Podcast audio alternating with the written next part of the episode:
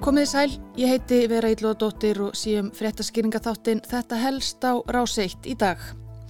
Um árabil var maðuranafni Raymond Abbas einn allra vinsælasti áhrifavaldur Níkerju með miljónir fylgjanda á Instagram og öðrum samfélagsmiðlum.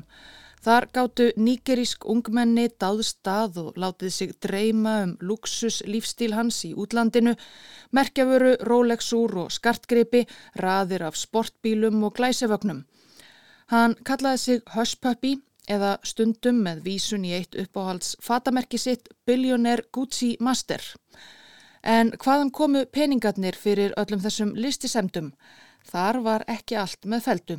Gucci meistarin sjálfur situr nú í fangelsi í bandaríkunum og á yfir höfði sér margra ára dóm hafandi játað á sig marg miljóna fjársvig og peningaþvætti. Money, money, yeah. Færsla á Instagram reikningnum at Hushpuppy 19. júni 2019. Maður hallar sér makindalega aftur í engaþótu, klættur í bláa Louis Vuitton peysu með Louis Vuitton teppi yfir fótunum, það glittir í Louis Vuitton tösku líka til hliðar. Hann er að lesa viðskiptaritið Forbes og tekstinn sem fylgir myndinni. Ef þið vissu alla sögum mín að væri þið stolt af mér. Hashtag be inspired, hashtag be motivated, hashtag luxury lifestyle. Saga Louis Vuitton unnandans í engaþótunni hófst í Overon Sjóki, fátakra hverfi í Leikos, stærstu borg Nigerju. Þar ólst Raymond Oluronva Abbas sem fættur er 1982 og því færtugur upp við kröpp kjör. Tækifæri fyrir ungmenni í Overon Sjóki að menta sig og bæta hagsinn eru ekki á hverju strái og því vekur það alltaf aðdáin þegar einhverjum úr hverfinu tekst að klóra sig upp. Samkvæmt Abbas sjálfum byrjaði hann að þvó bíla sem ungur piltur, fór svo að selja notuð föta á götuhornum og byggði þannig smátt og smátt upp auðsinn. En fáir trúa þessari æfisögu í raun og veru. Orðið á götunni í Óvoronsjóki hefur alltaf verið að Abbas hafi nördlað saman fyrstu örunum sem svo kallaður Yahoo drengur. Gamla netveldið Yahoo var með þeim fyrstu sem buðu upp á ókipis tölvupóstþjónustu í Níkerjum. Metnaða gerðnir ungir Níkerjumenn á netkaffihúsum borgarlandsins notuðu sér það óspart í alls konar hugmyndaríka svikastarðsemi yfir netið. Þegar Abbas var að byrja í þessum bransa um síðustu aldamót voru nýgerískir svikarrappar að mestu hættir að þykjast vera vell auðugir afrískir prinsar sem þörnuðust af einhverjum ástæðum aðstóðar ókunnugra vesturlanda búa við að nálgast auðafi sín. Fólk fjallvist ekki lengur fyrir því. En það var ímsu öðru hægt að ljúa að trúgjörnum netverjum, margir þóttust vera fjáðir piparsveinar í leitað ástinni. Þetta gæti verið ábatasamur bransi og margir Yahoo-drengir gáttu auðgast ágætlega. Og Abbas verðist hafa verið eitt þeirra.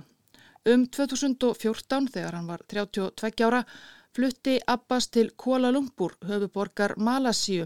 Í nám sagði hann einhverjum félögum sínum heimafyrir en það fór lítið fyrir því námi á Instagram-reikningnum sem hann fór að nota um sama leiti. Hann kallaði sig á Instagram Hushpuppy en einnig Billionaire Gucci Master enda unni hann Gucci og annari dyrri merkjavöru. Á Instagram fór hann að byrta myndir af sjálfum sér í sífælt dýrari fötum en alltaf með kvetjandi skilabóðum með. Allir eru snillingar en ef þú dæmir fisk á því hvort hann geti klefið tré mun hann alltaf halda hann sem heimskur. Hashtag versas. Guð opnar miljónir blóma á þess að þvinga þau. Það segir okkur að þvinga aldrei neitt. Hlutinni munu gerast á réttin tíma. Hashtag Louis Vuitton. Hashtag Versace. Þegar áleið var ríkidæmið á Instagram myndum Hush Puppies og meira og meira, glitrandi luxusúr, Rolex og Hublot og sport og luxusbílar Lamborghini, Rolls-Royce, Ferrari. Jamt og þjætt stækkaði líka fylgjendahópur hans, þúsundir urðu, hundruð þúsunda og miljónir. Aðdáendur hans voru mestmægnis ungmenni heima í Níkerju og öðrum löndum Afríku sem letu sig dreyma um álíka luxuslíf og landi þeirra virtist lifa í útlandinu. Það sem aldrei kom skýrt fram á Instagram var hvaðan auður Hushpuppies kæmi. Aðspurður saðast hann hafa hagnast vel á fastegna viðskiptum en fór aldrei mjög ítarlega út í það hvaðan peningarnir kæmi. I know I look good. Expensive nigga. 2017 flutti Hushpuppi svo til Dubai þar sem hann kom sér fyrir á Palazzo Versace luxushotellinu þar sem hver innanstokksmunur er mertur Versace í þak svítu með sundlaug á svölunum. Auður hans virtist bara aukast og aukast. Hann byrti myndir af sér á flakki um heiminn, á grískum eigum tískuvikunni í París þar sem hann var gestur fínustu tískuhúsana í engaþóttunni sinni eða fyrir framann raðir af glænýjum jakórum og porsum. Money, money, yeah. En biljóner Gucci Master var að sjálfsögðu ekki í neinum fastegna viðskiptum þarna í Dubai. Hann hafði alla sína tíð síslað við það sama og hann byrjaði á á netkaffihúsum Leikos sem ungur maður, netsvindl, með svona líka góðum árangri. Hann var þarna hættur að þykjast vera piparsvinn og komin í umfangsmeiri business á samt nokkrum samverkamönnum. Það sem hann stundaði helst er kallað á ennsku Business Email Compromise eða skilabóðasvík á íslensku Á VF upplýsingatekni fyrirtækisins þekkingar er skilabóðasvikum líst svona. Skilabóðasvik hefjast yfirleitt á því að netglæpa menn á yfirráðum á tölvupósthólfi starfsmanns eða stjórnenda þar sem til dæmis glæpamaðurinn býr til postfang sem er svipað og postfang fyrirtækisins sem hann langar að komast inn í eða sendir fórnarlampinu skilabóð með það fyrir augum að það gefi upp likilorð sem glæpamaðurinn getur nýtt sér. Þegar netglæpamaðurinn hefur fengið aðgangað tölvupostsamskiptum fylgist hann með og lærir hver getur til dæmis beðið um að greiðslur séu greittar. Það fer oft talsverð vinna í þannan undirbúning hjá glæpamanninum og þessi undirbúningur getur tekið langan tíma. Í ákjæru bandarísku alreikislauruglunar á hendur Raymond Abbas, einnig þægtum sem Hushpuppy, er farið yfir nokkara glæpi hans. Til dæmis, í oktober 2019 tók bankareikningur í eigu Abbas hjá Chase Bank í bandaríkunum á móti 922.000 dollara millifærslu frá lögmannstofu í New York. Peningarnir voru upphæð sem lögmannstofan skuldaði fyrirtæki nokkru vegna fastegna viðskipta. Fyrirtækið var í raun í viðskiptum við annan banka en þegar starfsmæður lögmannstofunar sendi tölvupost til að staðfesta hvert þessi háa upphæð ætti að fara, barst fax frá tíðu fyrirtæki með leiðbeiningum um að senda peningana frekar á þennan ákveðna reikning hjá Chase. Fyrirtækið hefði nýlega skipt um viðskiptabanka. Ekki leitt út fyrir annað en að faxið væri í raun og veru frá fyrirtækinu sem átti að taka við greiðslunni og hún fór því af stað. En í raun var faksið frá Hushpuppy sem vildi á sér heimildir og peningarnir flættu á hans eigin bankareikning og þaðan byndi hann þeim snarlega á ímsa aðra staði til að hilja slóð sína. Í áspyrjun 2019 hafðu Hushpuppy og samverkamenn hans svo að sögn bandarískra yfirvalda stólið 13 miljónum evra úr stærsta banka Möldu, Bank of Valletta, meðal annars með því að þykjast í tölvu samskiptum vera útsendarar franska fjármála eftirlitsins. Þannig komist þeir inn í tölvukerfi bankans og gáttu sendt þaðan háar upphæðir á bankareikninga í Rúmeníu og Búlgaríu. Þetta var gríðalegt högg fyrir bankan og mikil ringulreið skapaðist í maltnesku samfélagi um tíma. Bandarísk yfirvöld saka Hushpuppy einnigum að hafa í glæpastarsemi sinni notið aðstóðar tölvu þrjóta á vegum norður kóreiskra stjórnvalda. Þeir hafa verið stórtækir í hverskins netglæpum og fjársvíkastarsemi undan farin ár. Norður kóriskir hakkarar hafi þannig hjálpað til við áhlaupið á Bank of Valletta þó óvist sé hvort Hushpuppy hafi vitað af því að samstarfsmenn hans hinum einn væru staðsettir í einmitt Norður Kóriu. Þann 24. janúar 2019 um það byl sem maltneska bankaránið var í bígerð byrti Hushpuppy mynd af sér á Instagram í klættur Dolce Gabbana, peysu og Nike skóm í Louis Vuitton búðinni í Dubai að skoða þar eitthvað klingur. Nógu þróskaður til að óska fólki sem ég tala ekki lengur við hins besta og nógu raunverulegur til að meina það. Peace. Og 5. februar? Markmið er að vera vermætur. Þegar maður er vermætur þarf maður ekki að elda peningana. Þeir koma til manns. Hashtag Fendi, hashtag Hermes, hashtag Húbolt, hashtag Versas. Í april 2019 komust Hushpuppy og félagar á snóðurum afar gott gig í Breitlandi. Meira en 100 miljón punta viðskipti sem þeir ætluðu að smegja sér inn í og hyrða upp peningana. Greiðandin var sankant ákjæru bandarísku alríkislauruglunar fóboltafélag í ennsku meistaradeldinni. Ekki hefur verið tilgreint hvaða félag þetta var, ný um hvað miljóna viðskiptin snérust, hvort það voru kaup á leikmanni eða eitthvað annað. En Hushpuppy og samverkamönnum hans tókst að villa á sér heimildir sem hver sá sem taka átti við greiðslunni frá fókbaltafélaginu og lauma sér þannig inn í þannan risa díl, en allt fjallum sjálft sig á loka metrunum.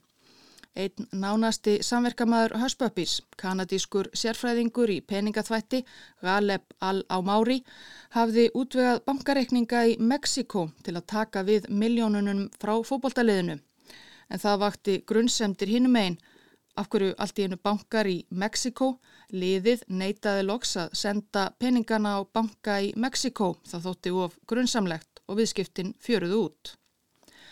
Hushpuppy helt þó ótröður áfram að byrta myndir á Instagram og stunda ímsa sviksemi, sérstaklega með áður nefndum al á mári. Þar til sá síðan nefndi kvarf skindilega af yfirborði internetsins og hætti að svara.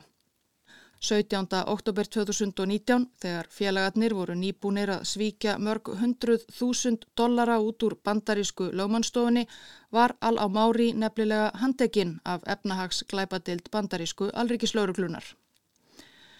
Og í ljós komað þrátt fyrir að fást við stórtæk netfjársvik og alþjóðlegt peningaþvætti var Hushpuppy furðu hirðulöysum eigið öryggi á internetinu Samskipti hans við Al-Amári fóru í gegnum hans aðal farsímanúmer í Dubai og hans helsta tölupostfang reyhushpuppy.gmail.com. Hann gerði valla nokkra tilraun til að hilja slóð sína. Alrikislauruglan var því ekki lengi að finna Instagram-reikningin þar sem biljóner Gucci Master sagði frá sínu hverju skrefi og hverjum fataköpum. Skömmu eftir miðnætti 8. júni árið 2020 reyðust vopnaðir sérsveitarmenn dúbæsku lauruglunar inn í þaksvítu Raymond Abbas á Palazzo Versace hotellinu. Abbas sem hafi verið sofandi var járnaður og handekinn. Um leið voru 11 aðrir honum tengdir handteknir hér og þar um Dúbæ og haldlagt á síma, tölfur, sportbíla og umtalsverða fjármunni. Það var vel við hæfi að Dubai-lauruglan tilkynnti svo handtökurnar með æsilegu myndskeiði á samfélagsmiðlum. Dubai Police have once again solved yet another case involving an international online scammer. Abbas var svo sendur í flugvél til bandaríkjana. Vorið 2021 tófust réttarhöld í Los Angeles yfir Raymond Abbas eða Hushpuppy eða Billionaire Gucci Master Hann var sagaður um umfangsmikil fjársvik og peningaþvætti að hafa svikið að minnstakosti 24 miljónir dollara út úr ímsum fornalömpum sínum og gert tilraun til að stela miklu meira. Abbas hjátaði sagt sína. Í september í ár kom hann aftur fyrir dómi Los Angeles í aðdraganda þess að dómari ákveði refsingu hans. Hann sá þá voðalega eftir öllu saman og las upp langt bref fyrir dómara. Ég myndi vilja sérstaklega byggja fórnalömpi í málum mínum afsökunar. Ég bygg einnig þá lauruglumenn sem unnust leitulöst að því að gera heiminn örugari afsökunar og alla starfsmenn bandaríska dómsmálaráðanetisins fyrir mikilvægt starfsitt að elda upp í glæbamenn sem sjálfan mig. Hæstvirti dómari, ég átta mig á alvarleika glæbaminna og engin afsökun getur bætt fyrir gjörður mínar í hjörtum fórnalampa. Refsing Abbas verður tilkynnt eftir mánaðamót. Hann á yfir höfði sér alltaf 11 ára fangelsi en spurning hvort eftir sjáinn í brefinu til dómara byrja árangur og honum verði sínt einhver miskun. Skilabóðasvík á við þau sem Hushpuppy stundaði eru vaksandi vandamál og ófáir aðrir svindlarar sem þau stunda enn þó þeir láti kannski ekki eins mikið á sér bera á Abbasgerði. At Hushpuppy, Instagram-reikningur Abbas eða Billionaire Gucci Master er enn aðgengilegur en hefur auðvitað ekki verið uppfærður í tvö ár. Það er þó líf í kommentarkerfinu. Við myndirnar skrifar fólk sem hæðist að ofurumanns sem og önnur sem enn lofa hann og prísa og senda honum baráttu hvaðjur í fangelsið í Kaliforníu. Síðustu myndina byrti Hushpuppy 7. júni 2020, tveimur dögum fyrir handtökuna Hún er af skínandi nýjum kvítum Rolls Royce. Hushpuppy sjálfur sést hverki á myndinni en ljúkum þessum þætti á hans eigin orðum. Ég þakka áhörnina og þetta helst verður hér aftur á morgun. Megi velgengni og ríkidæmi ekki vera einu sinni varsaga í lífi þínu. Þakka þér drottin fyrir allt að blessa það í lífi mínu. Hashtag minn, hashtag Rolls Royce.